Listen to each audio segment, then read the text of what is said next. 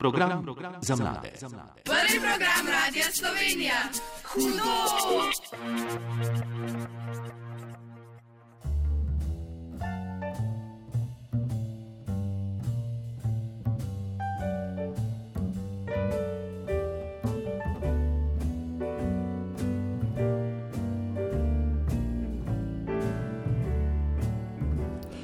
Dobro jutro, dober dan vsem mladim poslušalcem, ki ste danes z nami. Sobota 23. oktober je danes, ura pa 9 in 6 minut, kar pomeni, da je čas za vdajo hudo. V studiu seveda nisem sam, z menoj so mladi in nadobudni pisci ljubezenskih pisem in predlagam, da se predstavite kar sami. Živijo, jaz sem Jrnej, uh, treniram nogomet, uh, v prostem času rad igram kitaro in klavir. Um, jaz sem Matej, v prostem času pa rad poslušam glasbo. Živijo, jaz sem Naja Kapun in v prostem času rada plešem klasični balet. Sem Maja in v prostem času se rada sproščam v naravi. Poleg mene v studiu, torej mladi glasovi oziroma mladi pisci pisem, saj je tema današnje vdaje hudo, deseti natečaj ljubezenskih pisem, ki ga pripravlja kulturno društvo Josipine Turnograjske. E, poleg gostov pa smo vse do 11. ure z vami še Damjan Rostan za mešalno mizo, Polona Grilc pri telefonih, Matej Jevnišek, ki je poskrbel za glasbo in Gašpar Stražišar pred mikrofonom.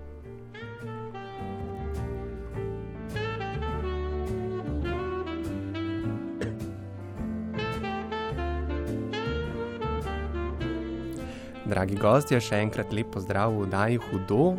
V ponedeljek se začnejo jesenske oziroma krompirjeve počitnice. Vas čaka med temi počitnicami veliko učenja, priprav na teste, ki bodo po počitnicah.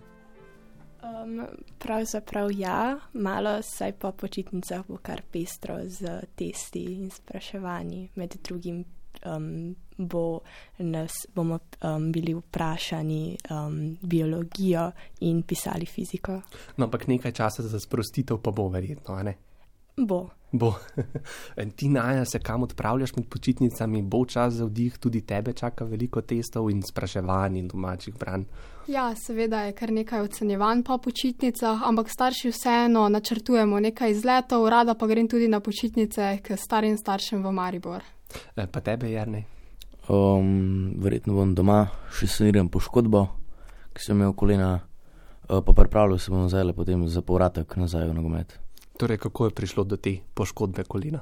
Um, v bistvu je bilo maja, uh, na tekmi sem dobil udarc. Um, glavno potem smo še ugotovili, da je zraven um, ni bil samo udarc, ampak da mi tudi um, pri menisku sta mi zraven hrustanc nekaj hitreje zrasel. Um, Torej, poškodba pri nogometu. ja, In sedaj se počasi vračaš nazaj na ja, trening. že skoraj super. Rad treniraš nogomet? Ja, zelo. Matej, pa ti kaj rad počneš v prostem času? Um, v prostem času pač rad poslušam glasbo, um, da berem kakšno knjigo ali pa sem pač na računalniku ali pa na telefonu. E, Kateri žanr glasbe ti je blizu? Um, pač vsi so mi všeč, nima pač najljubšega. Kar ti paše v določenem trenutku, verjetno. Ja. E, No, danes smo tu predvsem zato, da predstavimo vaše sodelovanje na leto že desetem natečaju za najboljše ljubezensko pismo v Sloveniji, ki ga prireja kulturno društvo Josipine Trnograjske. No, kdo je Josipina Trnograjska, bomo slišali malo kasneje. Letos je na tečaj, pris, na, na tečaj prispelo 152 pisem, ampak bila so pa namenjena točno določeni osebi ali pa neki stvari. Komu ste letos pisali pisma? Pismo smo letos pisali miru. Um, Naja je bilo težko pisati pisma neki taki neutipljivi stvari, kot je mir, torej ne osebi, pa ljubezensko pismo. Um, ni bilo tako težko, ker sem imela dobro de- idejo in tudi predstavo, in potem so besede kar letele na papir. E, Pa tebi, e, Matej, e, Um, jaz sem si pa mir predstavljal kot osebo, katero uh -huh. nagovarjam in sem potem dobil ideje in jih napisal na papir. torej si ta mir preobrazil v neko osebo in ji Ja. poslal ljubezensko pismo. Um, Jernej, še kdaj pišeš pismo, si sploh že kdaj komu poslal pismo ali se držiš SMS sporočil?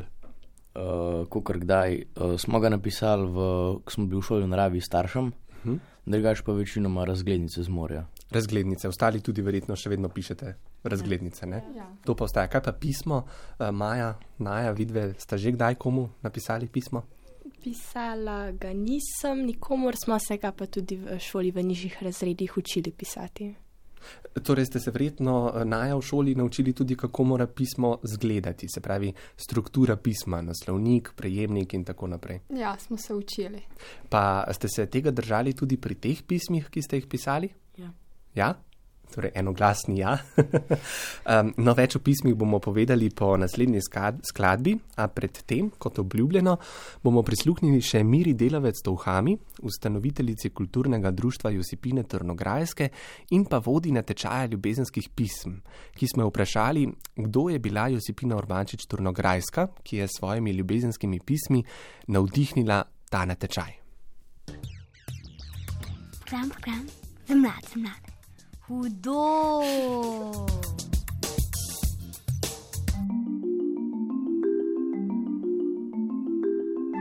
Josipina Urbančič Tornograjska je prva slovenska pesnica, pisateljica, skladateljica, pianistka in pravličarka. Tako da je za slovence in slovenke zelo, zelo pomembna literarna ustvarjalka v slovenskem literarnem prostoru. Ustvarjala pa je v času romantike, to se pravi, bila je preširnova sodobnica, ga je kot dekle tudi še poznala, ko je zahajala v Kran. Drugače pa se je rodila 1833 na gradu Turam pri predvoru. Josipina je kljub svoji mladosti ustvarila 38 kratkih proznih besedil, dve pravlični besedili in tudi tri, torej tri pesmi. Ohranila pa so se več kot eh, 1100 ljubezenskih pisem, ki si jih je Josipina Urbančič, ki je ustvarjala pod psevdonimom Turnograjska, izmenjala s svojim zaročencem in kasnejšim soprogom in tudi kasneje zelo znanim slovenskim politikom Laurom Tomanom. No in med njima je torej steklo to dopisovanje. Naj omenim, da sta si pisma izmenjavala vsak dan. Do Graca ali na Dunaj, kjer je Lauro študiral, so v poprečju potrebovala dva dni. No in ta pisma eh, seveda so dolga nekako tam od 25 do 35 strani manjšega formata in so izredno bogata zakladnica ne samo razmišljanja, čutenja, ampak tudi časa, v katerem je Josipina živela in ustvarjala in um, so čudovito ohranjena danes v Narodni in univerzitetni knjižnici v Ljubljani v rokopisni zbirki. Kaj pa ti to poslušaš? Kaj ne veš? Hudo. Ja, itak. Ura je 9 in 17 minut, poslušate oddajo Hudo in prvi program Radia Slovenija. Z menoj v studiu Matej, Jernej, Naja in Maja, prvo uvrščeni na že desetem natečaju za najboljše ljubezensko pismo. Eh, Pred glasbo smo prisluhnili Miri Delavec Tovhami, ki nam je nakratko predstavila Josipino Turnograjsko, ki je tudi navdihnila eh, ta natečaj. No in slišali smo, da sta si Josipina in pa Lauro Toman vsak dan izmenjevala pisma, ki so bila dolga do 35 strani, skupaj pa sta napisala več kot 1100 pisem. Uh, si predstavljate, da bi napisali tako količino pisem? Težko. Težko, ne? Ampak SMS sporočila se pa verjetno približajo tej številki. Ja, mislim, da se. Čas je pa 35 strani. Zdaj, um, Naja, večinoma ste napisali pisma dve strani dolga. Koliko, kako dolgo je bilo tvoje pismo? Ja, približno dve strani. Dve strani. Um, pa koliko časa si porabila za pisanje pisma? O, porabila sem približno eno popovdne, nekaj ur. Nekaj ur. Pa si potem še kaj u- urejevala, popravljala? Seveda, prvo, se, prvo neko osnovo napišeš in potem dodajaš in piliš. In koliko časa je potem ta cel proces, to piljenje trajal? Jaz bi rekla, osnovo sem napisala v kakih dveh urah, potem pa še kakšne tri ure novih idej, piljenja in tako naprej. Eh, Pa ti, Jernej? Um, jaz sem rabil približno uro in pol, potem sem ga mogel skrajšati, ker sem gotovo, da sem preveč napisal. Um, tako da ja, vsega skupaj približno dve ure dela. Eh, Si na natečaju sodeloval prvič, Uh, ne drugič. drugič. Kako si pa izvedel za ta natečaj? Ti je povedala učiteljica? Učiteljica, ja, v šoli. uh, da se lahko prijavim, da lahko provam in sem rekel, zakaj pa ne. In si zadovoljen s svojim Ja. izdelkom. Ja. Pa ti, Maja, kako si izvedela za ta natečaj? Meni je tudi povedala učiteljica v šoli in ker je menila, da bi to znajo, um, naj jo to zanimalo. Uh -huh. In sem rekla isto, um, zakaj pa ne, vredno je poskusiti. Pa ti, koliko časa si potrebovala za pismo? Um, osnovo sem napisala približno približno eni uri in pol, potem sem pa čez teden vsak dan prebrala znova pismo in vsak dan sem kaj popravila, ker mi ni bilo všeč, kaj oduzela, kaj dodala. Eh, Matej, kako pa si ti izvedel za ta natečaj? Ja, uh, jaz sem že pred tem natečajem pisal pesmi, uh, katere so šle potem tudi v občinski neki časopis. Uh -huh. Uh, potem mi je učiteljica slovenščine povedala za ta natečaj in sem rekel, zakaj se ne bi prijavil, morda če kaj dosežem. Torej, rad pišeš. Ja, In letos si zasegel, eh, dosegel katero mesto? drugo. Drugo mesto. Um, kakšen je tvoj proces pisanja? Pišeš tudi pesmi, kako se lotiš pisanja? V bistvu najprej razmišljaš o tem, kaj bi sploh napisal, uh, in ti pride kakšna dobra ideja, jo zapišeš, in ko imaš pač veliko teh idej, skupaj strneš, skupaj in imaš. Eh, Ti si rekel, da si um, mir ustvaril kot osebo in ji poslal ljubezensko pismo. Uh, ja, uh, pač meni je lažje, da si mir predstavljaš kot osebo, ki jo nagovarjaš, kot pa nekaj, kar ne moreš videti, pa tipati. Pa. Uh, pa vidve, Maja in Naja, sta tudi mir spremenili v osebo? Um, ne, jaz sem si mir predstavljala kakor pojem, ker se mi zdi, da ga tako najlažje nagovorim. Jaz sem si tudi mir predstavljala kot pojem nekaj neotepljivega, nekaj nevidnega, ampak potrebujemo ga pa vsi. To, s tem se pa strinjam. no, in predlagam, da kar prisluhnemo prvemu eh, pismu oziroma odlomku. Prisluhnili bomo torej pismu eh, Maje Bizjak. Um, Maja, ti si pismo celo naslovila, dala si miru nek naslov, kje domuje tvoj mir. Ja, um, sem mu dala naslov in mislim torej, da mir domuje med vsemi nami, v vsakmu od nas, um, a samo poiskati ga je treba in ne samo čakati, da se bo samo od sebe prikradel med nas. Torej, Zemlja 01, Ja, 000, galaksija. ja. Tako, torej pismo Maje Bizjak. Program, program, za mlade, za mlade. Hudo.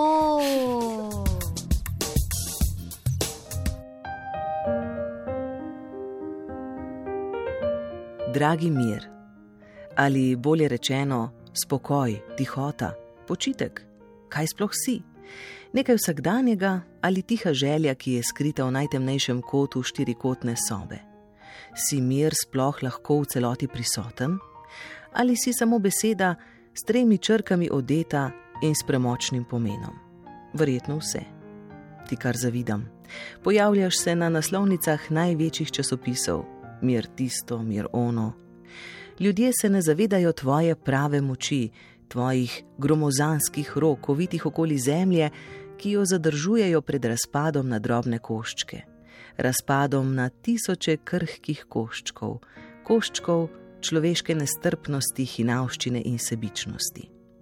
Vsi te želijo samo zase, saj mislijo, da so njihovi problemi največji, najmočnejši in najbolj zahtevni.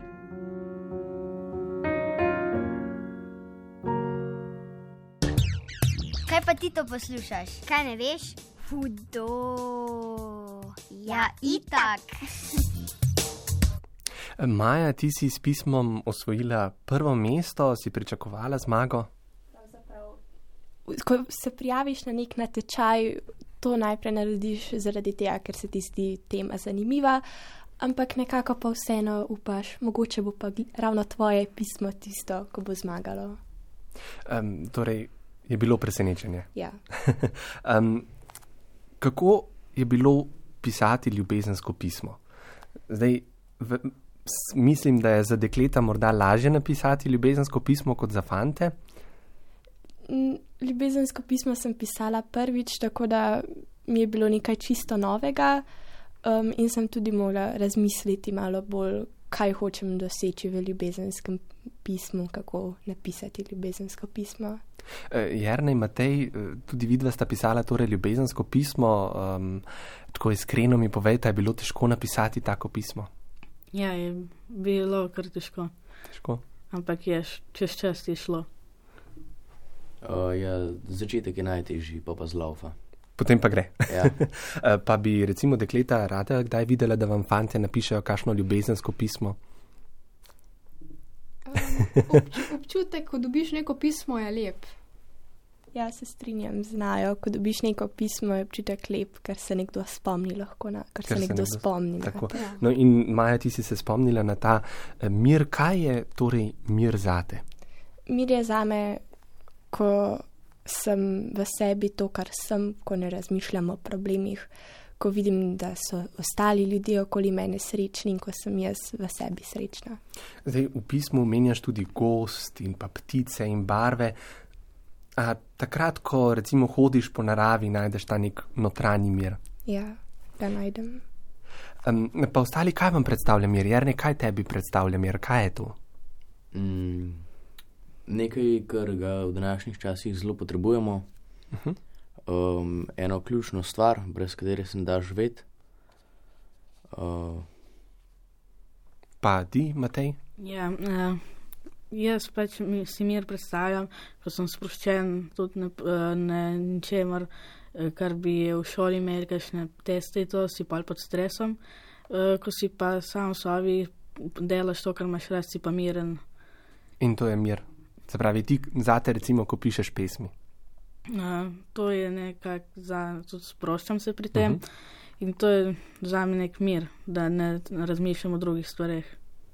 Um, Maja, kdo ti je pomagal pri ustvarjanju pisma? Si se ga lotila pisati povsem sama, si imela kakšnega mentorja, mentorico? To je ja, ogrodje in najprej sem ga torej iz, izpilila sama, potem sem ga dala prebrati še staršem in upoštevala kakšne njihove ideje. Na koncu pa sem ga dala v pregled še svoji mentorici, gospej Brigiti Praznik Lokar, um, ki mi je pa na koncu tudi še sveto, svetovala dopolniti, kako bi bilo najboljše. Ja, na tem mestu se bi gospe Praznik Lokar res zahvalila, ker nas vse spodbuja k literarnemu ustvarjanju. Ja. Torej, je bila mentorica obeh. Ja. Ja. Maja, kdo je bil prvi, ki je prebral tvoje pismo? Si ga sploh zaupala takoj komu ali si ga najprej čuvala zase? Prva ga je prebrala moja mami, Uh -huh. um, potem pa sem ga seveda dala še očju za prebrati in tudi ostalim bližnjim. Ti ni bilo nič nerodno. Ne, meni ni bilo. Uh, pa vama, Jrnej in Matej, uh, kdo je prvi prebral vajno pismo? sošolka. Sošolka. In kakšno je bilo njeno mnenje? Um, kar pozitivno. Je rekla, da sem v redu skup spravil um, in je rekla, da lahko nadaljujem s tem. Uh, moje pismo pa je prva prebrala moja mentorica, uh, učiteljica slovenščine, gospa Kaja Cvelbar. In potem, ko je ona to pogledala, mi je svetovala, potem so pa še družinski člani prebrali to pismo.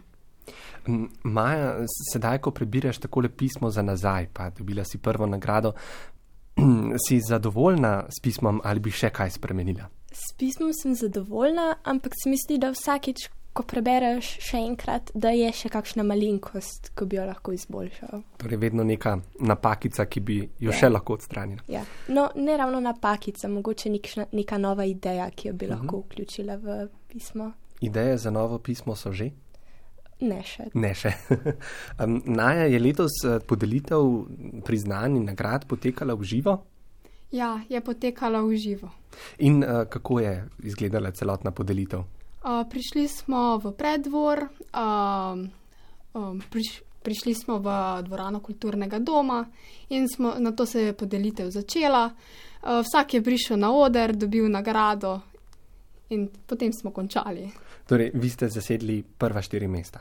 Ja, Ja, tako. ja. No, naslednje pismo uh, je napisal Matej Selko. Matej, ti si pa osvojil drugo mesto. Uh, vprašanje, tako kot za Majo, si zadovoljen s svojim pismom ali bi sedaj spet kaj spremenil? Sem se s svojim pismom kar zadovoljen. Kar zadovoljen.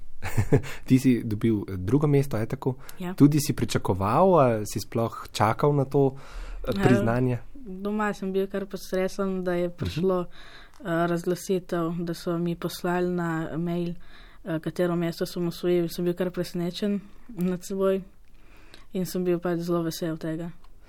In vesel svoje zmage, in potem to pismo, oziroma odlomko svojega pisma, bomo pa prisluhnili zdaj le. Program, program, za mlade, za mlade. Hudo.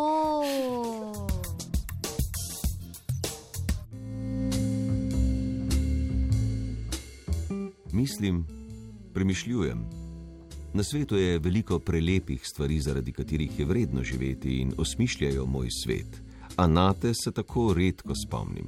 Največkrat si te zaželim, ko me starši, učitelji in prijatelji zasujejo z delom, sporočili. Takrat te kličem s polnimi pljuči, saj si moje varno zavetje. Najdem te v dobri knjigi, znani melodiji in topli posteli. Ne morem te prijeti, otipati, videti. Ako sem v tvojem objemu, sem svoboden. Si moj prostor za sanjarjenja, za izzive. Vem, da lahko spremenim svet, ko sem s tabo. Predstavljam si te modrega, ker je modro neskončno nebo, sinje morje in moja najljubša roža, spominčica. Moje srce je rdeče, bije v ritmu živega mladostnega zanosa in energije, in ko me oblije tvoja modrina, sem svoboden. A priznam, da se kdaj preplašim, saj se zavem, da sva ranljiva. Mir, pošiljam ti topel objem. Ti pa me nikoli ne zapusti, saj se bom le s teboj počutil srečnega, svobodnega, varnega in ustvarjalnega. Naj objem pa želim deliti tudi ostalim ljudem po svetu. Če bomo vsi tako razmišljali, lahko spremenimo svet. Naj v njem vlada modrina.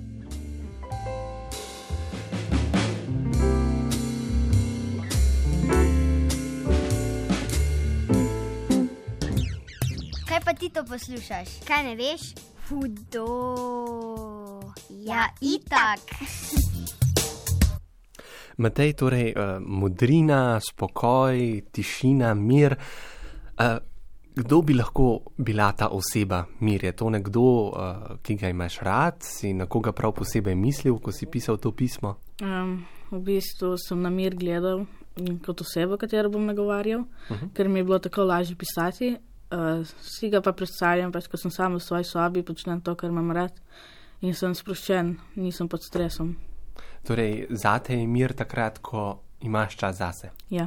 Pa lahko danes, kljub vsem šolskim obveznostim in dejavnostim po šoli in telefonu, televizije, uh, televiziji in tako naprej, najdeš popolni mir. Um, si ga moraš kar vzeti, ker uh, ko si v šoli in pišeš kakšen test, si kar pod stresom in takrat nimaš miru. Ja. Uh, si pa vzamem kakšen čas zase, nekaj časa, da se sprostim in delam to, kar imam rad. E, kaj je bilo tisto glavno sporočilo v tvojem pismu? Kaj si želel prenesti? Da Miru? pač uh, brez njega m, ne bi bilo pač lepo, da uh, ne bi bilo mirno. Uh, tudi med vojno je tako, da med vojno nima noben uh, miru in svobode. Uh, in da nasploh je to nekaj, kar bi vsi rabili, ampak se moramo za to sami potruditi. Zdaj, rekel si, da se ti zdi mir podobno kot sproščanje, torej da ko si sproščen, takrat imaš mir.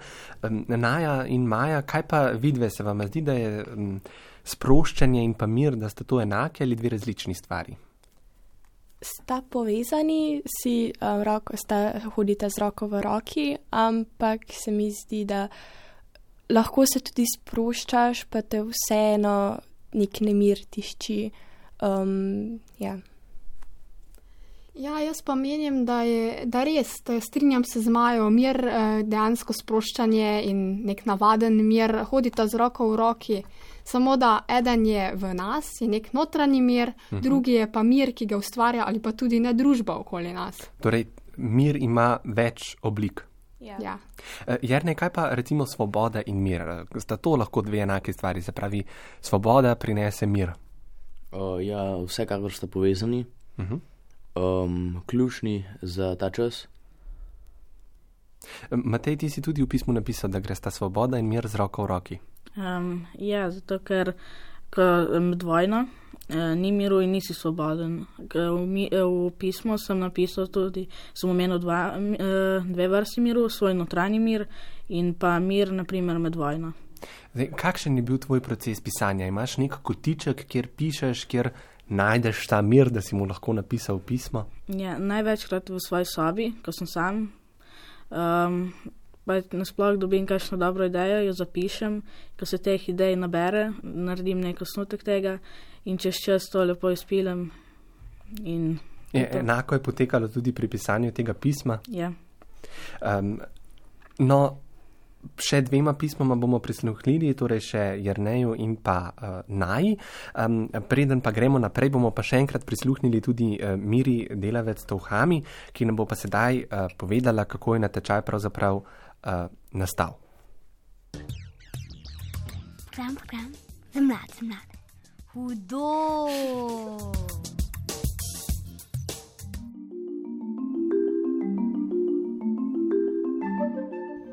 Torej, natečaj je nastal kot želja v prvi vrsti, da mlade uspodbudimo, torej uspodbudimo k literarnemu ustvarjanju, razmišljanju in drugačnemu odstiranju njihovega pogleda na svet, torej kot si ga izmenjujejo mogoče preko SMS poročil, torej da še vedno ohranimo klasično tradicionalno pisemsko obliko. Naš natečaj je bil sprva pospremljen z nekaterimi skeptičnimi besedami, čež da mladi zelo težko še danes bi posegali po tej obliki pisem, ampak zelo zanimivo je, da že leta, torej že na prvem natečaju, letos je bil torej deseti zaporedoma, so se mladi zelo, zelo um, odzvali, več kot 200 pisem je prišlo iz vse Slovenije, tako da smo v bistvu prvo leto natečaj imeli za osnovno šolce in srednje šolce skupaj, vendar smo ugotovili, da bomo takoj razdelili to v dve skupini, tako da natečaj od takrat poteka v dveh kategorijah, torej za osnovnošolce v eni in srednješolce v drugi kategoriji. Po treh letih smo ugotovili, da je tema enostavno ljubezen zelo široka in smo izpeljali različne teme, torej ljubezensko pismo materinščini smo imeli, ljubezensko pismo svobodi, miru letos, tako da različne, različne teme, torej ljubezni. In še en zanimiv podatek, ne, da je v desetih letih na naš natečaj prispelo točno 1819 pisem. Kako ste zadovoljni z letošnjim natečajem? Uh, lahko rečemo, da glede na to, da um, letos je torej čas še vedno nekako v sklopu vsega, kar se dogaja okrog nas, smo upali, da mladi ne bodo preveč obremenjeni, preveč um, že z drugimi stvarmi utesnjeni, ampak ravno nasprotno. Zgodilo se nam je, da so nam že poleti, ko so se komaj začele počitnice, že mladi pisali ali bo natečaj, da si ga želijo, tako da se je na letošnji natečaj odzvalo 152 udeležencev in udeleženk. Udeleženci natečaja prejmejo priznanje za sodelovanje, ker se nam zdi pomembno, da se tukaj spodbuja res vse mlade, ne glede na to, katero mesto kdo zasede, namreč za nas so vsi zmagovalci že s tem, da sodelujejo in kot zanimivost mogoče, da za drugo leto pripravljamo ob natečaju za najboljše ljubezensko pismo tudi natečaj z področja poezije za mlade osnovnošolce in srednješolce. Mira Delavec, najlepša hvala za ta pogovor in pa odgovor na vprašanja in pa eno lepo soboto še naprej. Najlepša hvala tudi vam. Še enkrat vsem mladim iskrene čestitke za njihov pogum in se veselimo njihovega sodelovanja tudi v prihodnje. Vsem poslušalkam in poslušalcem želim lepo sobotno dopoledne in vse dobro, ter predvsem zdravje. Srečno in nasvidenje.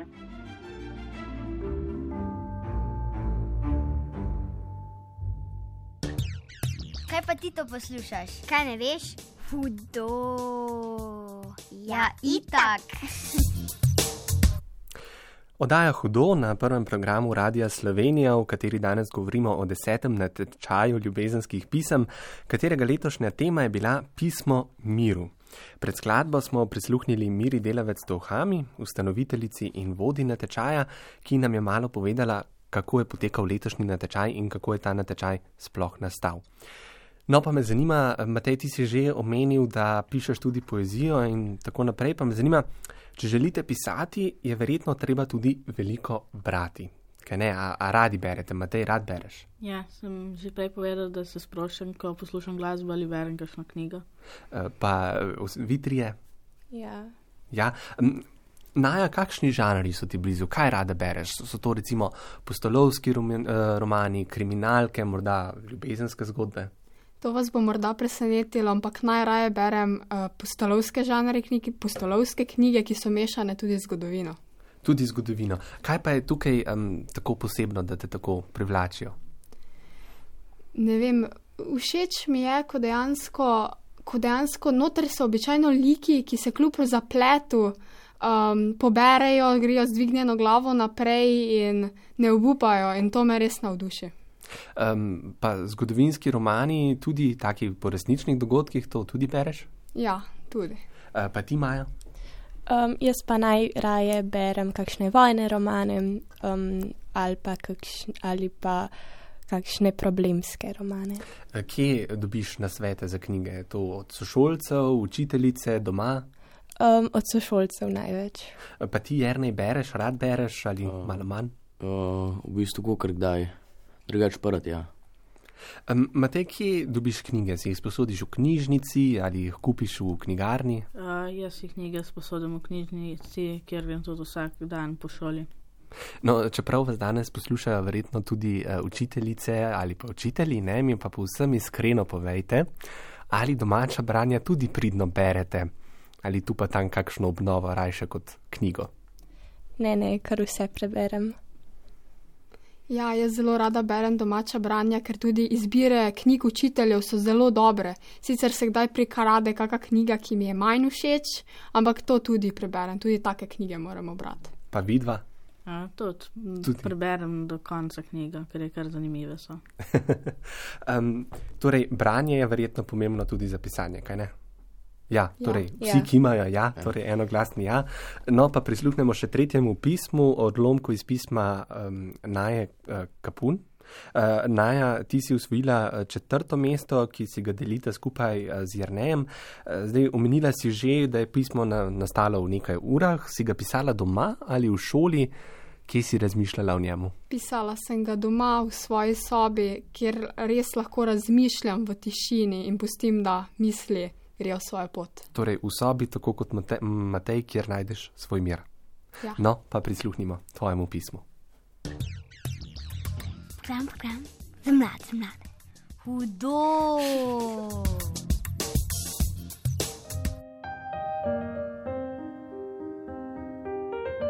Dragi mir, že skoraj sem te čutila v svojem objemu, ampak si se mi izmaknil. Zakaj? Želela sem se utrujeno zlekniti v tvoj objem, ti povedati vse, kar me teži, pa ne morem, ker te ni. V glavi mi nori hurikan, ki ga ne morem ustaviti, ker mi manjkaš ti, mir. Lepo je sedeti v tišini in te poslušati, lepo je brezskrbno oditi iz šole in zajeti zrak v pljuča in pogledati proti modremu nebu. Ko si ti navzoč, čutim srečo, v meni je popolna harmonija, ob kateri slišim samo bitje svojega srca in moji možgani napletajo samo najlahkotnejše misli. Takrat se počutim kot peresce, ki ga nosi po ulici in pustim, da mi veter meša misli in občutke. Lepo mi je, ko si z menoj, mir.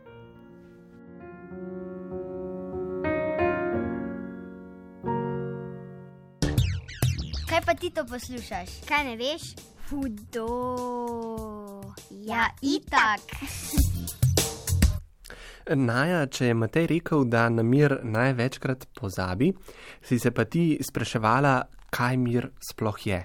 In si ga lovila v pismu, tudi, tudi zapišeš, da si ga že skoraj čutila v svojem objemu, pa se ti je izmaknil. Zdaj, zakaj imaš občutek, da se ti mir izmika? Uh, občute, uh, tak občutek imam zaradi tega, ker današnja, da mi živimo življenja, ki grejo zelo hitro mimo nas in veliko je hitenja. In preprosto tudi jaz sama nimam časa zase, nimam časa, da bi se lahko pogovorila z mirom. Pa se ti zdi, da lahko kaj sama pri sebi narediš, da ustaviš ta čas in najdeš več časa za ta mir? Seveda bi lahko, bi lahko našla čas za mir, ampak preprosto je toliko stvari, ki jih hočemo praviti pred sproščanjem in časom zase. Ja. Zdaj, kaj je tisto glavno sporočilo tega ljubezenskega pisma Miru, ki si ga napisala?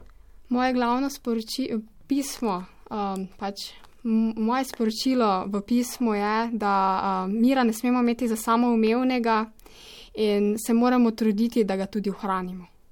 Zdaj, zapisala si še en tako zelo lep stavek, rekla si, ti si najpomembnejši na svetu, a kaj, ko smo ljudje slepi. Eh, se vam zdi, da prevečkrat izkoristimo to besedo mir, ko recimo rečemo, eh, pusti me na miru, daj mi mir, eh, da ima mir vseeno nek večji pomen? Ja, mislim, da ima nek večji pomen, da ni to neka samoumevna um, stvar, ki bi se kar sama od sebe pojavila, da se z njega res treba boriti in ne samo čakati križem krog, rok, da se bo pojavil in ga tudi tako nesmiselno uporabljati njegove besede. Eh, Naja, ti si v pismu opisala kar nekaj aktualnega dogajanja, ki se pač dogaja po svetu trenutno med epidemijo um, koronavirusa. Eh, spremljaš tudi novice, da si tako na tekočem z vsem dogajanjem? Ja, seveda spremljam aktualne dogodke. Uh, saj se mi zdi pomembno, da vem, kaj se dogaja okoli mene, ker je tudi meni pomembno, v kakšni družbi živim. Um, kako pa, kakšni so bili komentarji na tvoje pismo, ko si ga napisala, ko si ga prvič dala nekomu za prebrati? Um, komentarji so bili zelo dobri. Uh, moja mama se je celo jokala, zelo, zelo se je dotaknilo, tako da sem bila zelo vesela seveda kritika staršev je meni zelo pomembna, tudi v bistvu, v bistvu njihovo mnenje je zelo pomembno. Um, tudi ko je kakšna kritika, to me samo še spodbudi k boljšemu ustvarjanju. Um, kakšna pa je bila vloga mentora in mentorice v šoli? Uh, so bile to okvečen kakšne slovnične napake ali tudi kakšne vsebinski popravki? Uh, gospa Praznik Lokar me je v bistvu predvsem po, uh, upozorila na dolžino mojega, spi, uh, mojega pisma, ker je v bistvu dovoljenih je bilo samo 3000 znakov, jaz pa imela mnogo več za povedati. Kaj to pomeni, mnogo več znakov, koliko je bila tista prva dolžina pisma? Uh, ne tri strani, sigurno. Tri strani. Um, kaj, je, kaj je bilo tisto, kar si še povedala miru, pa si spustila potem v pismu, ki je šel na natečaj? Izpustila sem um, dejansko predvsem zadnji del pisma, ko mu pišem, da naj se vrne, da ga imamo radi, da se bomo potrudili za njega. Um, lahko se vam zdi, da mladi, sedaj da vi ste vsi deveti razred in počasi boste odraščali, lahko spreminjate svet in poskrbite za večji mir. Ja, mislim, da bi lahko, ker pač bolj, ko se boš trudil, boljš bo. Če pa pač mir si moraš tudi zase vzeti uh, in z mirom boš druge ljudi postil v primeru in bodo oni bolj zadovoljni, tudi uh, družba uh, bo bolj zadovoljna, če jih ne boš nekim sekiral. Tako. Ja, se strinjam. Um, mi smo generacija, ki bo popeljala ta svet naprej. Um, in se rabimo truditi za mir, da bo ostal še nekaj na svetu. Da bo ostal povsod med nami. Ja. Eh, no, eh, tako lepa misel, Jrnej, za nadaljevanje k tvojemu pismu. Torej, eh, naslednjo pismo, ki mu bomo prisluhnili, je torej napisal Jrnej Vovčak in si deli četrto mesto skupaj z Najo. Program, program, za mlade, za mlade. Hudo!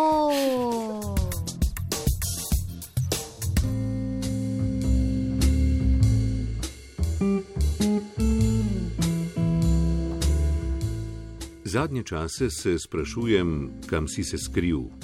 Pogrešam te. In verjamem, da nisem edini, ki te išče na tem pustem svetu. Zadnjih nekaj let te še posebej potrebujemo. Potreben si za naše preživetje in tega se vsi zavedamo. radi bi ti ponudili topel dom med nami in ti pomagali pri premagovanju vseh preprek. Sodelovanju s tabo se nikoli ne bi odrekali, saj smo s teboj nepreklicno povezani že od samega nastanka Zemlje. Nikoli ti ne bomo obrnili hrbta. Trudili se bomo zagotavljati dobre medsebojne odnose, saj se drugače ne da preživeti.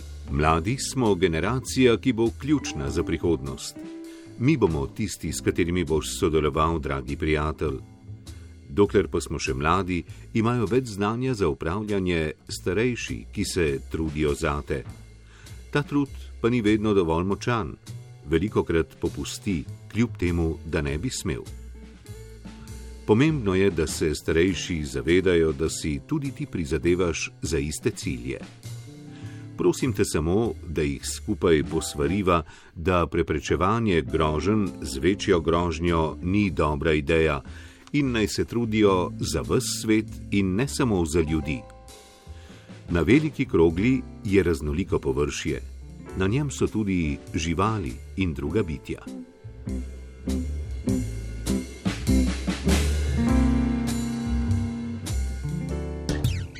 Kaj pa ti to poslušaš? Kaj ne veš? Hudo. Ja, itak. No, čisto vsako pismo, ki smo ga do sedaj slišali, je eh, napisano drugače, ima nek drugačen svoj uh, pogled uh, na mir. Jarne, ti si se predvsem vprašal, kaj je definicija miru, torej kaj je njegov pomen in kam se je skril. Zdaj, zakaj se ti zdi, da miru danes ni več med nami? Mm, mislim, ne, da ga ni več med nami, ampak počasi izginja. Um, v bistvu že vsak uh, sam bi se mogel truditi, da bi ga ohranjal, uh, recimo, da bi rešil spore med prijatelji v družini, da se ne bi več kregal, um, da se pobotamo, če smo skregani. No, v pismu pišeš tudi o tem, kako bi bilo, če na svetu ne bi bilo več miru. Um, si sploh lahko predstavljate svet brez miru? Um, ne, v bistvu si ga ne moramo. Um, vse, kar smo naredili dobrega, bi propadlo. Um, in tudi uh, naslednje generacije, naši otroci, um, bi težko preživeli, če bi se to zgodilo. Torej, to je točno to, kar si tudi napisal v pismu. Ne? Vi ste sedaj generacija, ki lahko skrbi za mir. Ja, in Naprej. predvsem mi moramo paziti, kako bomo zdaj ravnali uh, s temi medsebojnimi odnosi, uh, da bomo res um, že same v družinskem krogu, da smo že lepo povezovali um, in si en drugim pomagali. Naja, kaj vse je torej mir? Matej je omenil vojno in potem mir, ki sledi po koncu vojne, Jerne je omenil odnose. Kaj vse je za te mir? Meni mir predstavlja predvsem čas, ko lahko razmišljam o sebi, ko čas, ki ga lahko sama sebi posvetim. Uh, mir občutim takrat, ko poslušam glasbo, ko lahko berem, um, ko pišem, ko imam navdih, pišem predvsem. Uh, pa tudi, ko, del, ko izvajam treninge baleta, se počutim mirno. Maja, si ti svet brez miru lahko zamisliš? Lahko, ampak ta svet bi bil grozen. Bi bil poln, bi bil hinavščine, neke nestrpnosti do drugih in grozno bi bilo. Eh, zdaj, pisali ste ljubezensko pismo. Eh, Jerne, se ti zdi, da je ljubezensko pismo lahko tudi romantično? Ali sta to dve ločeni stvari? Uh, mislim, da sta povezani, um, ampak seveda um, vsaka stvar je malo drugačna um, in marsikaj drugače bi se dal napisati. Kaj je torej tisto glavno sporočilo tvojega pisma? Uh, ja, vreten glavno sporočilo mojega pisma je to, da uh, mir, se, mir lahko začnemo ohranjati uh, sami pri sebi najprej, da če imamo kakšne težave, da jih rešimo, potem z družino, s prijatelji. Um, ja. Zdaj, uh, vsi ste v ta pisma izlili veliko čustev. Maja je težko vsa ta čustva in te misli preliti na papir spremeniti v črke? mislim, da se mi zdi celo to do, dokaj lahka naloga, ker je dosti lažje, da neka svoja čustva zliješ na papir, kot da jih zadržuješ v sebi, da se kopičijo. Ko začneš pisati, se tak kar samo od sebe ubesedijo. Torej, Matej, ti si omenil sproščanje skozi pisanje, pa vendar pisati ljubezensko pismo in čustva, ti je to predstavljalo nek nov izziv? Um, ja, mi je kar predstavljalo nek izziv. Um, ni bilo pač tako težko svoje čustva, uh, je lažje pač vsaj meni napisati na papir, kot pa da govorim, naražje jih zapišem. Um, in to je to. Eh, pa vama, Jrnej eh, in Naja, se je lažje pogovarjati o težavah ali jih zapisati na papir? Po mojem mnenju je lažje pisati. Dejansko pisanje meni predstavlja uh, glavno izrazno sredstvo, s katerim lahko izrazim najglobje misli. Uh, ja, se strinjam z najo. Jrnej, kako si ti končal pismo? Uporabil si tri latinske besede, katere in kaj pomenijo? Uh, pomenijo mir za vedno. Um, s tem sem hotel povedati, da bo re, treba se za mir res truditi in ga ohraniti. S tem se verjetno vsi strinjate. Yeah. Torej, mir za vedno. Ja, ja. no, mir za vedno, s tem tudi bomo označili konec prvega dela oddaje Hudo. Ura je namreč 9 in 58 minut, kar pomeni, da se bo prvi del oddaje Hudo pos poslovil. Se boste prihodnje leto spet udeležili na tečaja? Uh, verjetno, da ja. Ja, sigurno. Pa vidve, Naja in Maja? Tudi Seveda. Ja, tudi jaz torej, sem udeležila. Prihodnje leto v kategoriji dijakov. Ja. Ja. In se spet srečamo v našem studiu. Ja. Upajmo. Povejte mi, kako je bilo slišati svoja pisma na radiju, takole prebrana strani profesionalnih špikarjev? Prav poseben občutek, ko dobiš občutek, da si, um, da si res nekaj dosegel in da je tvoje pismo res posebno. To je bila za me res velika čast. Uh, zanimiva izkušnja, um, lepo je bilo slišati. Um, Matej, se ti zdi, da ko je tako pismo prebrano na glas, dobi še nek dodaten pomen in neko težo? Ja, uh, je bilo zanimivo poslušati svoje pismo od nekoga drugega, ko ga prebere. Uh, se kar zamisliš, kako ti je to sploh uspelo, si ponosen na se. Kako ste sploh napisali tako ja. krasno stvar?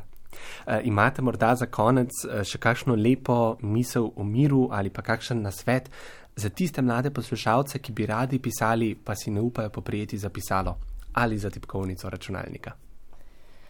Samo lotiti se je potrebno, uh, vzeti pisalo v roke in razmišljati o tej temi, ter razmišljati o tem, kako bi to predelil z besedami. Tako kot sem napisala, mir je najpomembnejši na svetu, je svet. Mi moramo samo odpreti oči in to uvideti. Tako kot Maja, pa mladim, bralce, malim posluša, mladim poslušalcem, ki želijo pisati, svetujem, da samo primejo zapisalo in vse ostalo bo prišlo kar samo. Uh, ja, uh, jaz mislim enako, naj se tega lotijo, ker uh, je to res nekaj posebenega. Uh, dobiš polno nezga navdiha in to samo zliješ na papir. Uh, ja, en na svet, uh, da če si s komu skregan, da se z njimi pobotaš. In vzpostaviš skupni mir. Ja. Um, kaj vas še čaka ta vikend? Greste morda še malo po Ljubljani ali domov nazaj spat v posteljo? Ja, mislim, ker smo že tle, je vredno izkoristiti priložnost, da se malo sprehodiš po Ljubljani. Uh, ja, enako, pa jutri imamo tekmo, tako da smo počasi začeli pripravljati. Torej, vso srečo na jutrišnji tekmi. Uh, Naj en maja, vidite, z Ljubljane, domov po Ljubljani. Pravzaprav se jaz zdaj odpeljem na Roglo, kjer imamo s taborniki jesenovanje. Jaz pa takoj po oddaji, po oddaji grem še na zadnjo vajo za baletno tekmovanje, ki bo jutri v Lendavi. Torej, tebi pa tudi lepo tekmovanje, oziroma vso srečo tudi na tekmovanju. Torej, čaka vas še zelo pester vikend. Um, dragi mladi gostje, najlepša hvala, da ste se mi pridružili v oddaji Hudo in predstavili natečaj ljubezenskih pisem ter z nami delili te vaše odlomke um, pisem posvečenih miru. Jaz vam pa želim en lep in miren preostanek vikenda še naprej, vso srečo na vseh dejavnostih, ki jih še danes imate in pa da se med jesenskimi počitnicami spočijete. Eh, poslušalci si lahko celotna pisma ogledate na naši spletni strani trikratvojnive.radio1.si, kjer poiščete oddajo Hudo. Pismo v današnji oddaji pa so brali Mateja Perpar, Jure Franko in Boštjan Romih. Oddaja Hudo se bo prevesila v drugo uro, sledijo naše hude rubrike, z vami vse do 11. ure ostajamo Kašpr Strežišar pred mikrofonom, Damjan Rostan za mešalno mizo, Polona Grilc pri telefonih za glasbo z ljubezensko tematiko oziroma besedili pa je poskrbel Matej Jevnišek. Eh, sedaj bomo prisluhnili skladbi Asi ti ali nisi ti moj ljubi, mi je žnidarič, na to pa rubriki Hudo športni. Ura pa 10 in 2 minuti.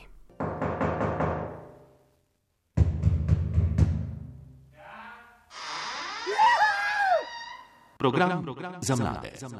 Prvi program Radia Slovenija. Hudo! Ura je 10 in točno 6 minut, poslušate vdajo Hudo. V drugi uri sledijo naše hude rubrike. Prva po vrsti je tako rubrika Hudo športni.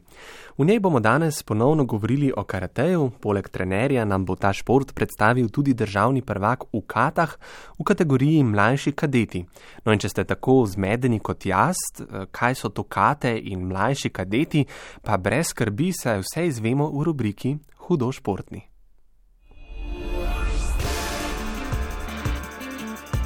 Hudo športni.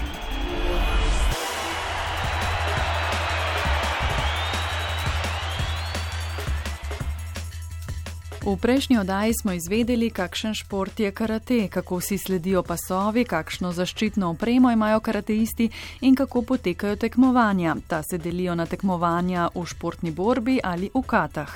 Bistvo karateja smo rekli, da so trije japonski kaji: kata, gibanje po določenih vzorcih tehnik, kumite, nadzorovana borba, ter kihon, tehnika, ki vključuje stave, udarce in blokade z rokami in nogami.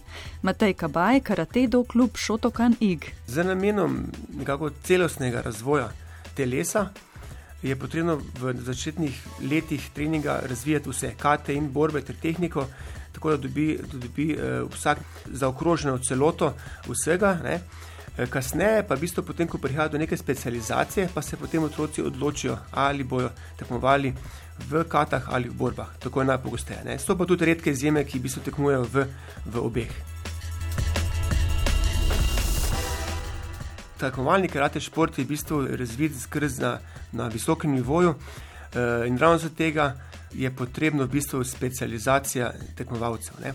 Je pa tudi tukaj potem, uh, kako bi rekel, zanka, ne, ker se potem veliko zgodi, da se prehitro specializira, kar pa v bistvu ni najboljše za otroko vse splošni gibalni razvoj. Moje osebno mnenje je, da bi vsak otrok eh, moral vsaj enkrat na letno, letno se udeležiti enega tekmovanja, ravno s tem ciljem, da v bistvu ugotovi, kako on sam deluje po nekimi stresnimi situacijami oziroma po stresno situacijo ali je to v spopadu z nekim nasprotnikom, seveda pod vsemi pravilami in z zaščitno opremo, ali pa je to kot nastop kate, kjer v bistvu on sam stoji pred, pred tremi oziroma petimi sodniki, ki ga ocenjujejo ne, in potem vidi on in seveda tudi tener, kako on v bistvu reagira v neki do takrat še mogoče neznani situaciji. Kar nekaj tekmovanj ima za sabo tudi naš drugi sogovornik Jaka Rajsi iz Gornje Radgone, ki smo ga pred mikrofonom lovili na tamkajšnji osnovni šoli treniram že 8 let, zdaj je 8, treniram pa kata, to je prikaz bor, veščin, pri šotokan karate do kljub Gornja Radgona. Kako bi pa ti opisal karate? Je zanimiv za mene, je zabaven, eh, lahko se naučiš obvladovanja samega sebe, je tudi nasilen šport, lahko v borbah, ko imaš močen dotik pa ga lahko poškoduješ. Zato imamo različne opreme za zaščito na nogah blazine, na rokah, pa ščitnik za telo. E, Navdušen sem se, ko sem bil že majhen, rad, kako bi rekel, prikazal to, boksal. Odločil sem se za kate, zaradi tega, ker smo več trenirali, boljše mi je šlo pa tudi boljše uspehe sem imel, zdaj bolj proti začetku. A delaš kate kot posameznik ali v skupini? Kako se to razlikuje tudi potem pri treningih in nastopu? Jaz delam posamezno, saj smo imeli ekipo, ampak je nimam več, ker sem jaz začel več trenirati. Če si v skupini, moraš kar ne na več stvari paziti. Kaj um, je najbolj pomembno, če nastopate kate v skupini? Najbolj pomembno je, da smo usklajeni, enako hitre, enako močne in da se vsi trije ne zmotimo. Zdaj ti praviš, da si kot posameznik eh, ali imaš potem eh, kaj treme vseeno, ko si na teh tekmovanjih, ker si sam na tatamijih in predstavljaš kato sodnikom? Ne, nimam več treme. Na začetku sem imel, zdaj pa več nimam. In eh, če sem jaz prav nekje prebrala, si ti pred kratkim dosegel en kar velik uspeh. Ne? Ja, postal sem državni prvak v katah mlajši kadeti. To je kategorija 12-13 let. Čestitke. Hvala. Matej Kabaj nam je povedal še več o funkciji in razvoju kat, ki lajčnemu očesu izgledajo kot kakšen borilni ples. Res je, kata je v bistvu eh, točno, določena, točno določene tehnike, ki so povezane v eno celoto z točno določenimi zakonitostmi in definicijami. In v bistvu nekdo, ki, ki zna kato, ki jo kato začuti in jo tako pokaže občinstvu, je v bistvu to res kot en borilni ples, ki je sestavljen iz hitrih, počasnih gibov, skokov, obratov in je v bistvu uh, res užitek to gledati. Eh, najbrž ti borilni plesi niso kar tako sestavljeni na ključno ti elementi, ki morajo slediti, ne? ampak so tam z namenom in imajo vsak svojo funkcijo. Eh, kate so v bistvu bile narejene, oziroma nekako skupek, skupaj nekih tehnik, drilov, narejeni na, v Okinavi in se kasneje, ko so prišli na, na Japonsko, so se malo preoblikovali. Uh, je pa v osnovi je to v bistvu skupek nekih samoobravnih tehnik, ki se skrivajo v njih, ki jih je potrebno v bistvu raziskovati. In, in ko mi dosežemo svojo stopnjo pasu in imamo s tem tudi dovolj, dovolj tehničnega znanja, da lahko raziskujemo te kate, oziroma njihov izvor in ideje in, in vsebine, ki so skrite v katah. Legenda pravi, da, v bistvu, da se to razvija na Okinavi z namenom, ker se je takrat cesar prepovedal nošenje orožja. In ker niso smeli nositi orožja, so potem na skrivaj, oziroma so vadili kate in so v bistvu v gibe, ki so delali, so v bistvu skrili te neke obrambne akcije, ki so se potem, ki so jih lahko izvajali kot obramba. Torej, karate je tudi obrambna borilna veščina, ne? čeprav mogoče na ven nekomu lajko zgleda kot tak borben šport. Ja, mogoče nekomu zgleda kot uh, borben šport, karate je obrambna borilna veščina, se tudi se uh, uči samo kontrole. Se pravi, da mi znamo kontrolirati svoje telo in svoj um. To pa pride prav tudi v vsakdanjem življenju, ne? da znamo kontrolirati, kako odreagiramo na določeno situacijo. Ja, tako je. Se pravi, ne gre se samo za telesno obvladovanje, ampak tudi za obvladovanje svojega duha in uma. Pomeni to, kar se znajdemo v neki neprijetni situaciji da, da enostavno ne znorimo, ampak znamo tudi sami sebe umiriti, narediti korak nazaj, moče malo še stvari premisliti in potem reagirati malo bolj tako umirjeno. Hudo športni. Pri karateju ni pomembno le dobro poznavanje tehnik, ampak tudi upoštevanje strogih pravil. Pravila so v bistvu z namenom, da ne, pride, da ne prihaja do poškodbe in da se v bistvu lahko eh, določi zmagovalca. Če na kratko povem, pravila so tako v športni borbi, da se ocenjuje udarci z roko, ki, ki so točkovani z eno točko, udarci z nogo v trebuh so točkovani z dvema točkama, udarci z nogo v glavo so točkovani z tremi točkami, prav tako akcije, kjer v bistvu nasprotnika podremo na, na tla, hkrati naredimo zaključek z, z udarcem, eh, so tudi točkovane kot tri točke to je v disciplini športne borbe.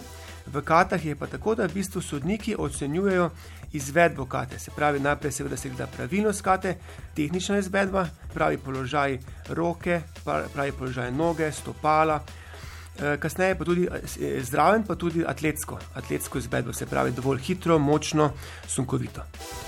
Hudo športni. Pri sunkovitih udarcih lahko kdaj karateiste zaslišimo tudi glasno izdihniti, celo zakričati. Zakaj? Če mi želimo udarec izvesti na vrečo, ne, potem v bistvu lahko naredimo, z, z, se pravi, vključimo vso moč in v bistvu vreča ustavi našo roko. Kadar mi želimo enako moč uporabiti, brez vreče, se pravi, da roko ustavimo v praznem prostoru, potem moramo pa uporabiti tako imenovan kime. Se pravi, kime to pa je v bistvu hitra kontrakcija mišic, s katerimi mi sunkovito v bistvu ustavimo naš gib. Zdaj, kime v bistvu prihaja iz, iz eh, trebušne prepone. Pomaga nam tudi globoka trebušna mišica, ki v bistvu z tem, ko se z hitro kontrakcijo poveže vse ostale mišice, se pravi od ramena, roke, komovca do pesti. Je dihanje pomembno pri karateju? Zelo, zelo. Saj z dihanjem v bistvu omogočimo hitre, močne, sunkovite gibe, hkrati pa v počasnih gibih v bistvu eh, dobimo tisti primankljaj kisika, ki smo ga med hitrimi gibi malo, man, ki je manjkal. Ali torej pri izbruhih, udarcih izdihujemo, je to pravilo ali eh, ne? Tako je, se pravi, kadar želimo močno kontrakcijo mišic, potem je potreben izdih. In ta izdih mora biti v bistvu biti skombiniran z samim gibom in s kontrakcijo mišic. Se pravi, to mora biti povezano, da je potem res ta lahko udarec močan. Ne? Ampak seveda moramo povedati, da govorimo o udarcu, ki je v bistvu izveden na prazno. Najbrž pa ti udarci ne pomenijo veliko, če sam karatist ni stabilen na tleh, na podlagi, eh, kjer eh, to izvaja. Ne? Tako je, se pravi, noge so tiste, ki skrbijo za temelj, se pravi za postavitev. In morajo biti pravilno postavljene, so, so neke zakonitosti, kako morajo biti, in tudi zaradi tega obstaja tudi veliko različnih položajev, v katerih v bistvu karatisti stojimo. Hudo športni. Pravilna izvedba udarcev seveda pride z vajo. Kaj pa jaka raj opaža pri začetnikih, katere stvari so najbolj zahtevne? Kako se postaviš, stav, pa delitve stava. Sprednja noga pokrčena, zadnja pokrčena, obe, pete notre, pete ven in tako. Kako hitro si ti to usvojil? Pa potreboval sem kar nekaj časa. Zdaj pa avtomatično že vse, ne? Ja, mi še mogoče kaj uide, ampak tisto poskušam čim hitreje popraviti. V vseh teh letih eh, je bil še kaj izziv pri tebi, eh, glede na to, da najbrž tako leto napreduješ v znanju, s tem pa prihajajo tudi novi izzivi. Ja, ve, vedno večja tekmovanja so, vedno težje je, pa drugače je. Kateri pas že imaš ti? Zdaj imam modrega. In tvoj cilj je? Da pridem do črnega in če potem nadaljujem. Še do kakšnega dneva, ne? Ja. Kaj pa o največjih izzivih za začetnike pravi trener Matej Kabaj? V prvi meri mislim, da je to ravnoteže in pa potem koordinacija. Kako skoordinirati v bistvu eno stvar, hkrati pa ne pozabiti tudi na drugo stvar. Ta koordinacija med rokami in nogami je v bistvu skoraj vedno prisotna. Če ni druga, je, moramo noge postaviti v en položaj, roke postavimo v drug položaj. Ne. Noge premaknemo v eno stran, roke v drugo. Ne. Tako da ta, ta povezava je se pravi skoraj vse čas. In kaj bi državni prvak v Katahu v kategoriji mlajši kadeti svetoval začetnikom? Priporočil bi mu trening, kjer se začne učiti eh, bloke, udarce pravilno in potem šele, da gre na stave, da se dobro nauči vse eh, z rokami, potem pa poveže. Torej, kar v kluba, ne? Ja. Hudo športni. Matej Kavaja, mi lahko pokažete, kakšen uh, ta udarec in seveda pravilno postavitev nog in telesa, da dobimo še občutek, kako to gre. Ja, seveda lahko, greva kar v telovadnico. In tam se bo treba preobleči v kimono, ki je prav tako del športnega bontona in izraz spoštovanja do veščine, ki se jo učimo. Poleg tega kimono pride prav tudi pri učenju tehnike, pravi naš trener. Ko nosimo kimono, je tudi tudi razvijemo ta občutek, taktilni občutek, kako čutimo kimono na sebi. In s tem tudi potem udarec dobi, dobi ne samo zvokovni, ampak tudi občutek, ki ga izvajamo. Se pravi, mi po občutku vemo, ali smo izvedli dober udarec ali ne. Naslednji teden torej nadaljujemo v telovadnici s pozdravom, udarcem, brco in obrambo. Do takrat bodite hudo športni. Hudo športni. Ura je 10 in 22 minut, poslušate prvi program Radia Slovenija in oddajo Hudo, v kateri smo danes predstavljali deseti natečaj ljubezenskih pisem. Od športa sedaj k kulturi oziroma glasbi. V kulturomatu bomo tokrat predstavili zanimiv glasbeni dvojec primorske. Z nami bosta duet Rospik, njuno glasbeno ustvarjanje pa je za hudo ujela Polona Grilc. Bral sem Gašpr Stražišar. Kulturomat.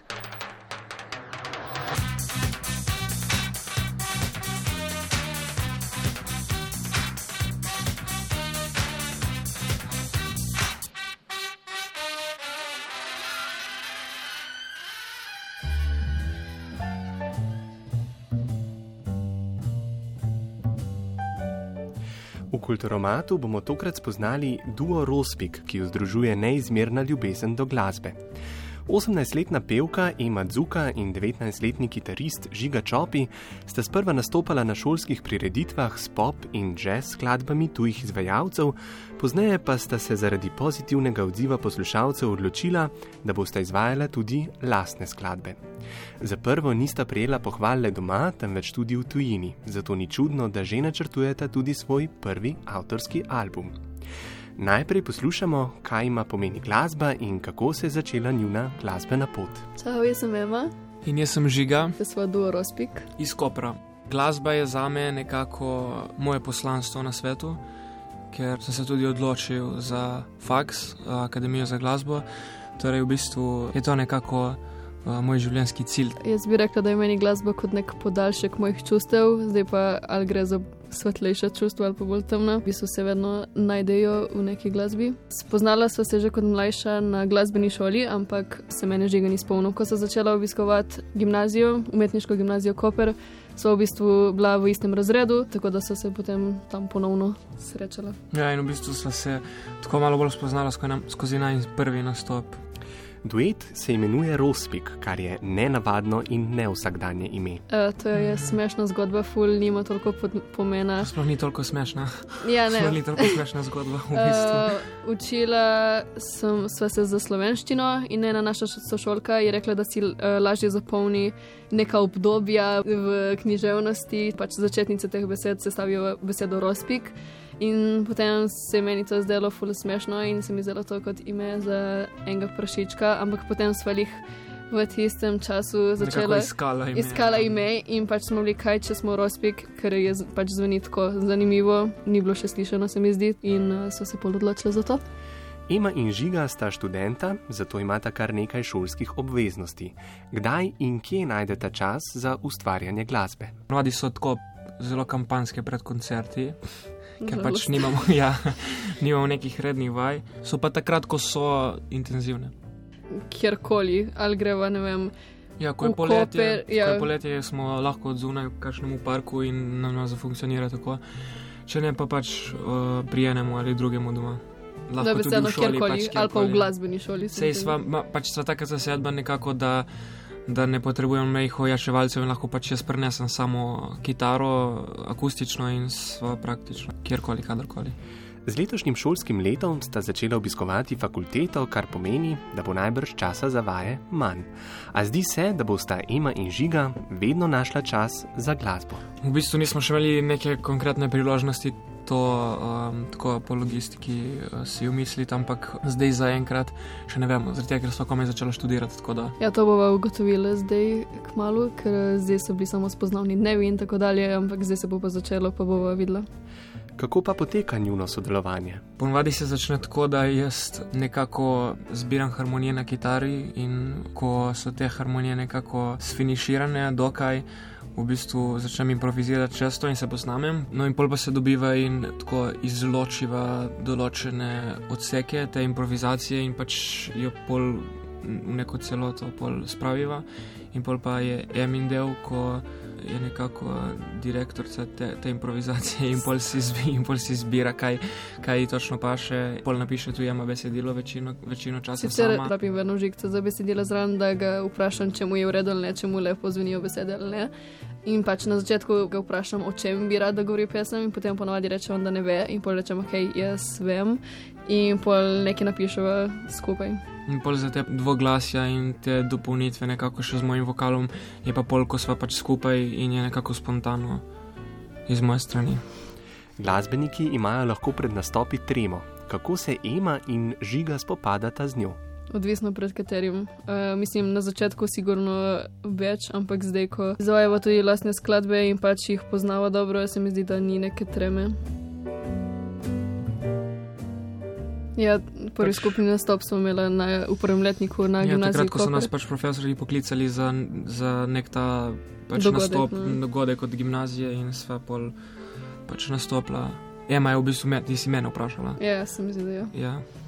Čeprav sta duet ustanovila v gimnaziji, je glasba del njunega življenja že vse od malih nog. Kdaj se je žiga prvič srečal s kitaro in kdaj je Ema začutila ljubezen do petja? Jaz sem, jaz sem že od ful malih nog uh, povezan nekako z glasbo, ker sta moja dva starša, oba glasbenika. In sem začel v bistvu že relativno zgodaj, pri štirih letih, igrati violino. In se je pol nekako um, nalagali, pač so se nalagali neki določeni inštrumenti, in pač še niso šli proč, drugi so prihajali. Tako da pač sem zaključil že od uh, violine in pol sem v četrtem razredu začel komaj kitaro igrati. In pol me je nekako ta profesor, ki me je takrat um, učil kitaro, popeljal pol do srednje glasbene in sem na srednji glasbeni obiskoval pouk uh, kitare in pač se nekako um, udejstvoval tako glasbeno pri različnih zborovskih uh, skupinah oziroma tako v petju. In to me je pol nekako popeljalo tudi zdaj na akademijo naprej, tako da v bistvu je že nekako konstantno celo življenje to prisotno pri meni. Uh, jaz sem tudi zelo rada že od malega pela in sem bila tudi v raznih zborčkih. Um, potem sem začela tudi v četrtem razredu se učiti petje pri Lej Sirk, drugače pa moji starši tudi radi pojejo, tako da so me oni spodbujali in so bili ta nek potencial v meni, da so me pol dejansko upisali in vozili na vse te ure. Nekatere glasbene skupine imajo več članov in več glasbil. Žiga in Ema pa glasbeno doživetje pričarata le s kitaro in vokalom. Zanimalo nas je, ali bi v duet morda kdaj vključila še kakšno glasbilo. Mislim, za izvajanje na koncertih eh, je pač zadostuje to, ker nismo še šli v neke sfere, da bi dodali neke dodatne stvari z, z nekimi backing tracki oziroma z matrico, ampak zdaj se ukvarjava s tem, da bova začela um, uh, delati CD oziroma snemati CD in takrat bojo definitivno še kakšne dodatne stvari uh, dodane, če ne inštrumenti, pa neki zvoki iz okolja. Drugače, če pa lahko rečem, da je veliko ljudi reklo, da jim je ravno to všeč pri naju ta preprostost, ker pač sta dva vokala in kitara in to je to in pač je že to kot neka celota. Brez občinstva in podpornikov ne gre. Kdo je torej njun največji oboževalec? Ja, seveda najni starši ja, pač na prvem mestu. Eh, ki nas tudi finančno podpirajo. Potem pa seveda najni prijatelji, jaz imam prijateljice, ki me že od prvega nastopa dlje uh, spodbujajo. In se mi zdi, da pa na vsakem nastopu, ki ga imamo, se najde še kakšen nov spodbudnik, vsakeč nekoga navdušiva, se mi zdi. Mlada ustvarjalca imata posnete že tri avtorske pesmi. Kakšne možnosti sploh imajo mladi glasbeniki, da se predstavijo širšemu občinstvu? Zdaj med koronom ni bilo, ampak če ne tako, dejansko dovolj. Mislim, v Koperu imamo ogromno možnosti in ogromno nekih venjev, torej tako ali drugače. No, zdaj, ko smo prišli v Ljubljano, pa bomo še kle raziskali različne ja. prostore za nastope. Za konec smo še vprašali, kdo sta njuna vzornika in katera zvrst glasbe jima je najljubša. Jaz poslušam čisto vse, dokler se me na vsaj tako nek način dotakne. V bistvu so moji največji vzorniki um, Jacob Collier, no on je moj največji vzornik, zdaj pa, zdaj pa tako glede drugih stvari, pa lahko naštevam kakšne klasične skladatelje. Jaz tudi poslušam različne zvrsti glasbe, uh, ampak kot vzornico bi pa postavila Lano Del Rey. Ne vem, imam neko ljubezen do nje že od malega. Da... Kot smo omenili, sta Ema in Žiga v Angliji posnela tri avtorske skladbe. En izmed njih, ki nosi naslov Dream Guide, bomo prisluhnili tudi v kulturomatu. Obema pa želimo še veliko uspeha na nadaljni ustvarjalni glasbeni poti.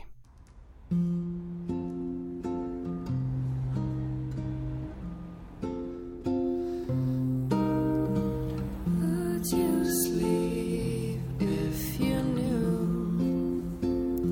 knew things you could do if you just wanted to. Go to sleep so you know. Know your secrets stuck in, know the things you show. And if you can't fall asleep,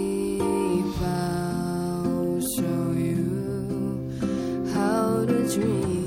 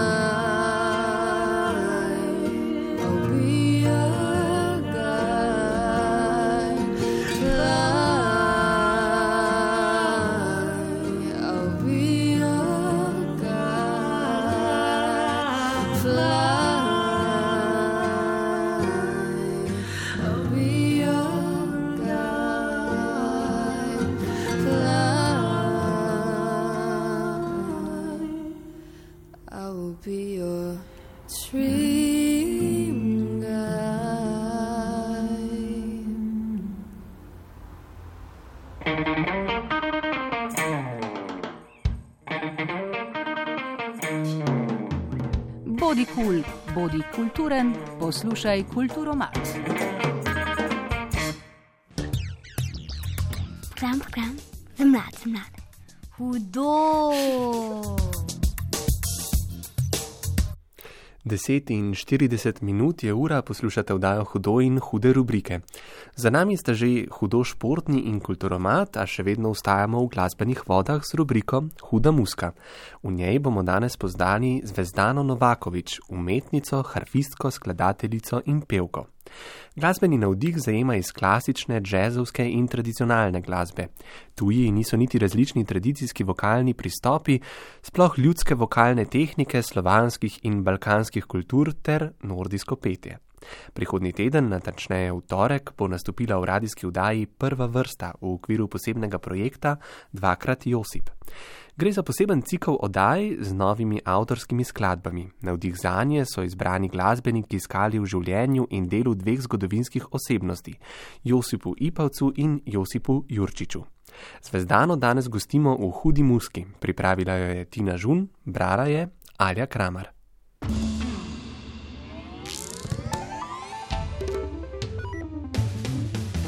Huda muska.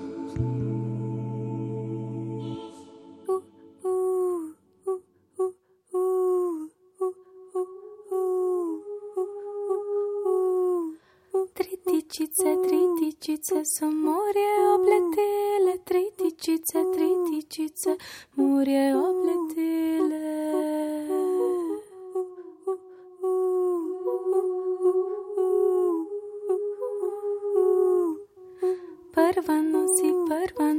Prva nosi, prva nosi, kla se kočenice, tapka poktaj, tapka poktaj v naše poletela.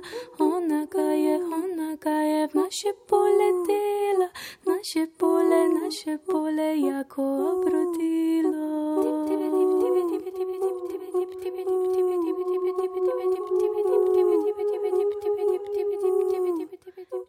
Vsestranska umetnica Zvezdana Novakovič v svojem glasbenem izrazu združuje raznolike glasbene prvine.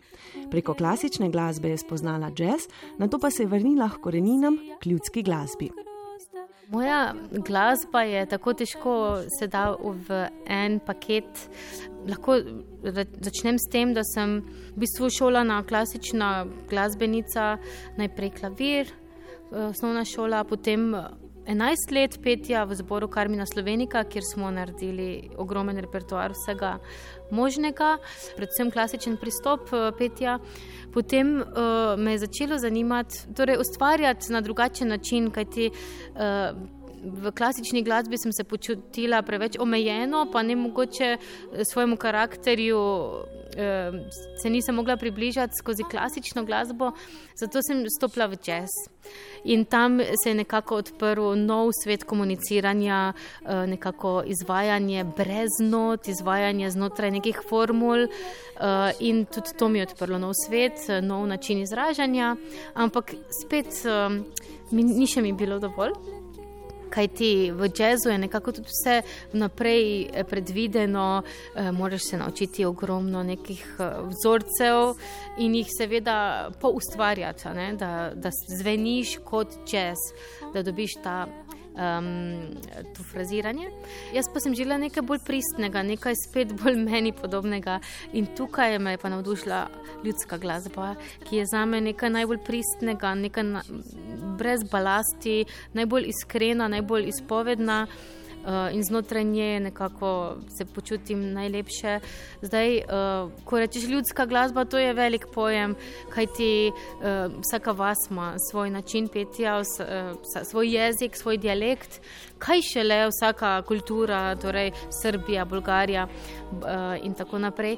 Ampak mene je predvsem uh, privlačila bolgarska kultura in tam sem potem študirala. Uh, torej, če povzamem, kaj vse sem študirala, je najprej um, bom, pedagoška v Mariboru, glasbena pedagogika, potem uh, diplomski študij uh, jazz petja v Gracu in potem uh, podiplomski študij v Bolgariji iz bolgarskega petja podjetja v Plovdivu in pa uh, podiplomski študij kompozicije oziroma razvijanja nekih novih eh, strategij v glasbi in performativnosti, to pa na švedskem v Göteborgu.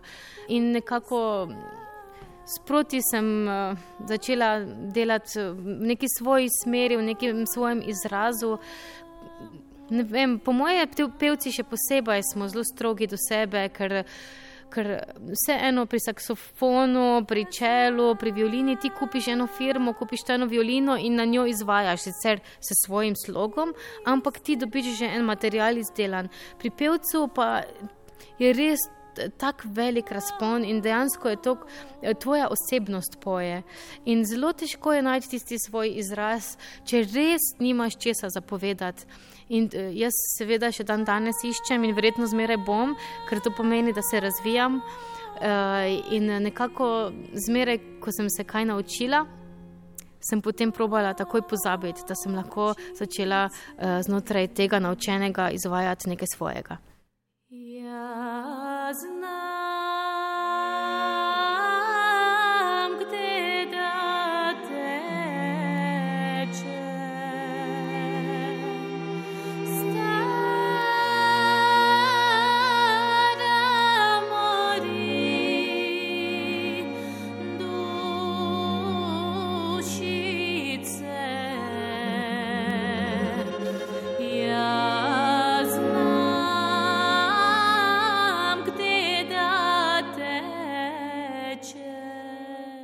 Pomembno vlogo pri spoznavanju z ljudsko glasbo sta imeli njeni babici.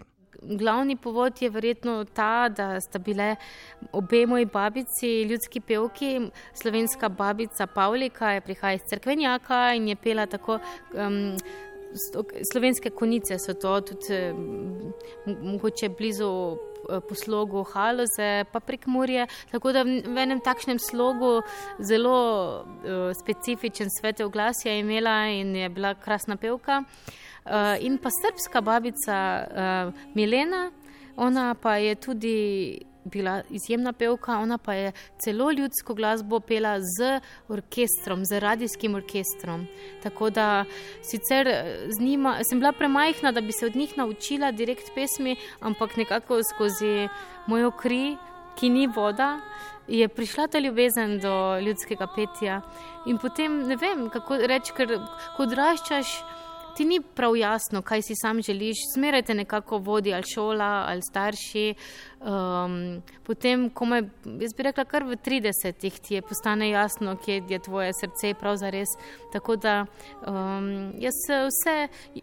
Vse, vse vas, ki nekako se ne najdete samo v enem slogu, ne obupati, ne misliti, da je kaj narobe z vami, samo raziskovati naprej, se učiti vsega, kar si želite, kaj ti vse pride enkrat v življenju prav.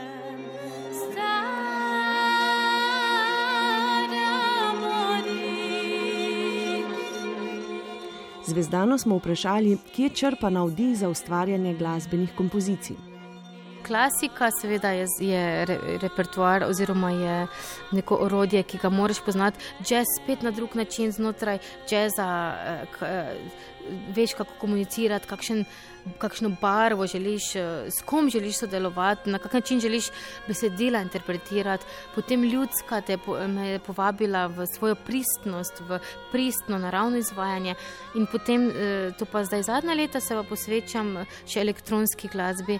Znotraj elektronike pa ne delam toliko na nekih bitih, na, bit, na, na ritmih, kako ne rečem. Na, neki repetitivni, eh, ritmični glasbi, ampak bolj jo uporabljam kot eh, zvočne svetove, ker elektronika lahko zelo eh, manipulira z zvokom in to me zanima, kako ustvarjati različne zvočne svetove. Seveda pa enkrat v prihodnosti. Uh, upam, da čim prej si pa želim delati plesno glasbo. To pa je moja velika, velika želja, da bi uh, si še v to upala stopiti, ampak to je spet tako specifičen svet in uh, počasi ga odkrivam. Na vrhuncu soko sedi, soko sedi v polje gledi. Zvezdana na svojih nastopih uporablja posebne elektronske pripomočke za generiranje zvoka. E, moja oprema je takšna, torej imam e, luper in potem e, imam noter tri kanale in lahko delam razne kompozicije, ki nekako zajemajo te. Tri kanale, torej vsak kanal se lahko še lupa naprej, ampak lahko ga izklopim, klopim, kadar želim. Tako da to moram kar dobro, zato ker pri luperju je problem ta, da zelo hitro uh, postane dolgočasen. Tako da je treba zelo, zelo pameten biti, kako postaviti ta aranžma, da, da še zmeraj gre v nadgradnjo, ne pa v nekaj, kar se že pričakuje. Tako da ja, uh, v bistvu ene stvari živo nalupam, ene stvari imam pa že pripravljene, čist uh, iz praktičnih razlogov, pa tudi včasih tehničnih sem ugotovila, da ene stvari je bolje pripraviti. Potem imam tudi harmonizer. To pa je v bistvu klaviatura, ki me poveže skozi drugo, drugo mašino, ki pa ima razne efekte.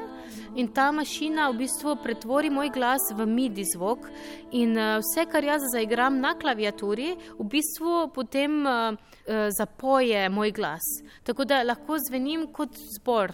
Ampak to delam na licu mesta. Ni to nekaj, kar sem prej nasnela, ampak to je nekaj, kar v trenutku se zgodi. Če, jaz, če želim neko improvizacijo, večglasno, samo to igram, hkrati ko pojem in uh, pretvornik spremeni moj glas v več glasov. Bog dal odivjala, skošil, da bi vodo pila, da bi Bog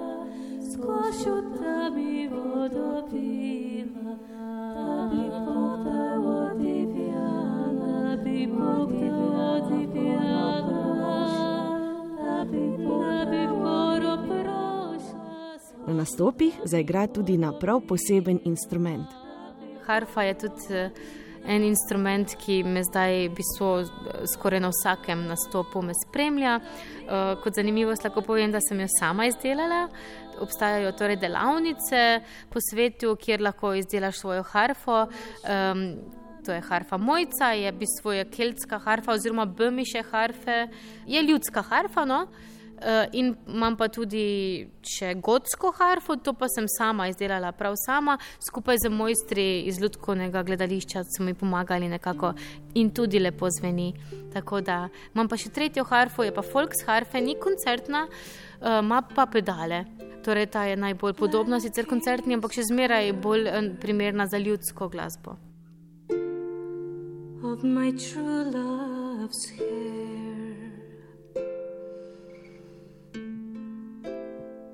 His lips are like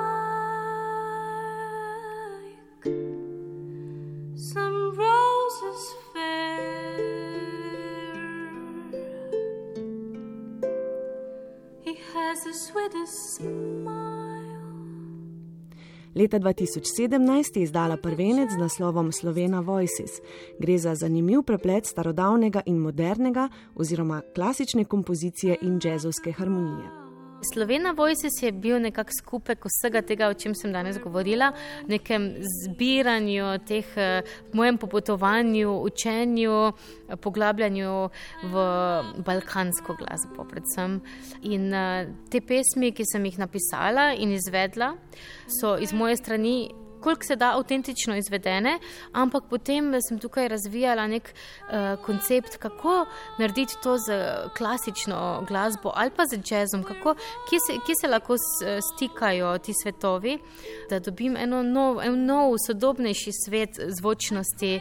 Tako da bi rekla, da Slovena Vojse res se dotika nečesa zelo starega, ampak v aranžiranju in komponiranju pa se dotika nečesa danes, novega, morda povezanega in s klasiko in z nekimi novimi minimalističnimi pristopi. Izvajala sem, uh, sem z različnimi zasedbami ta projekt Slovena Voices. Prvotna je bila v zasedbi ljudskih pevk iz Bolgarije. Kot kvartet smo nastopali in uh, tudi za njih sem napisala, uh, ves repertoar sem napisala za njih.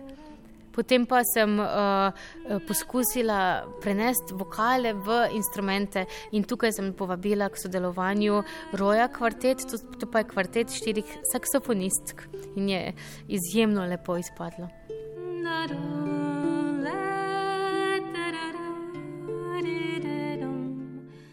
Julija 2021 je Zvezdana Novakovič predstavila nov poseben projekt Čaralice.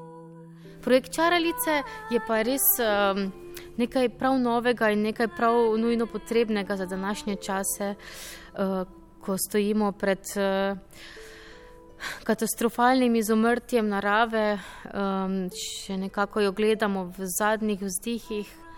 Eh, pa ne samo naravo, verjetno tudi odnose, ta svet, nek stari, ki je dolgo nekako bil z mnogimi našimi predniki, se zdaj drastično spreminja in izumira. In eh, seveda to se najbolj vidi v naravi.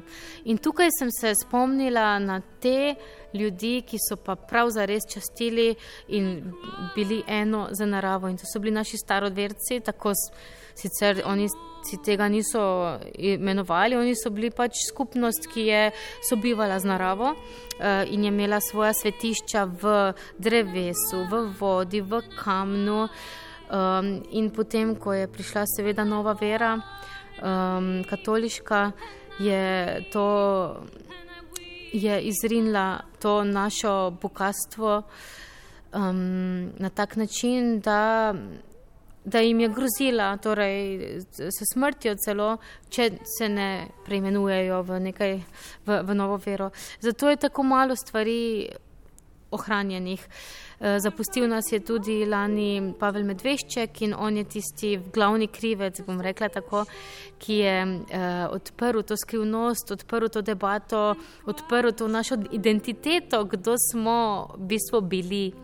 Uh, in jaz verjamem, da da dan danes še mi to čutimo, da smo del tega, samo da so nam eno novo kulturo v bistvu probali približati, ki pa.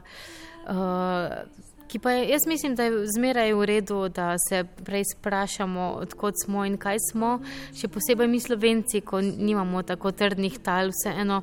Um, Nimamo tako zelo stabilnih nekih vzorcev, no? smo zelo prilagodljivi, kar je, kar je velika vrlina, samo hkrati si pa želimo stati na eni tradiciji. In tukaj je, jaz mislim, da ena krasna tradicija, torej povezana z naravo. the gentlest hands. I love the ground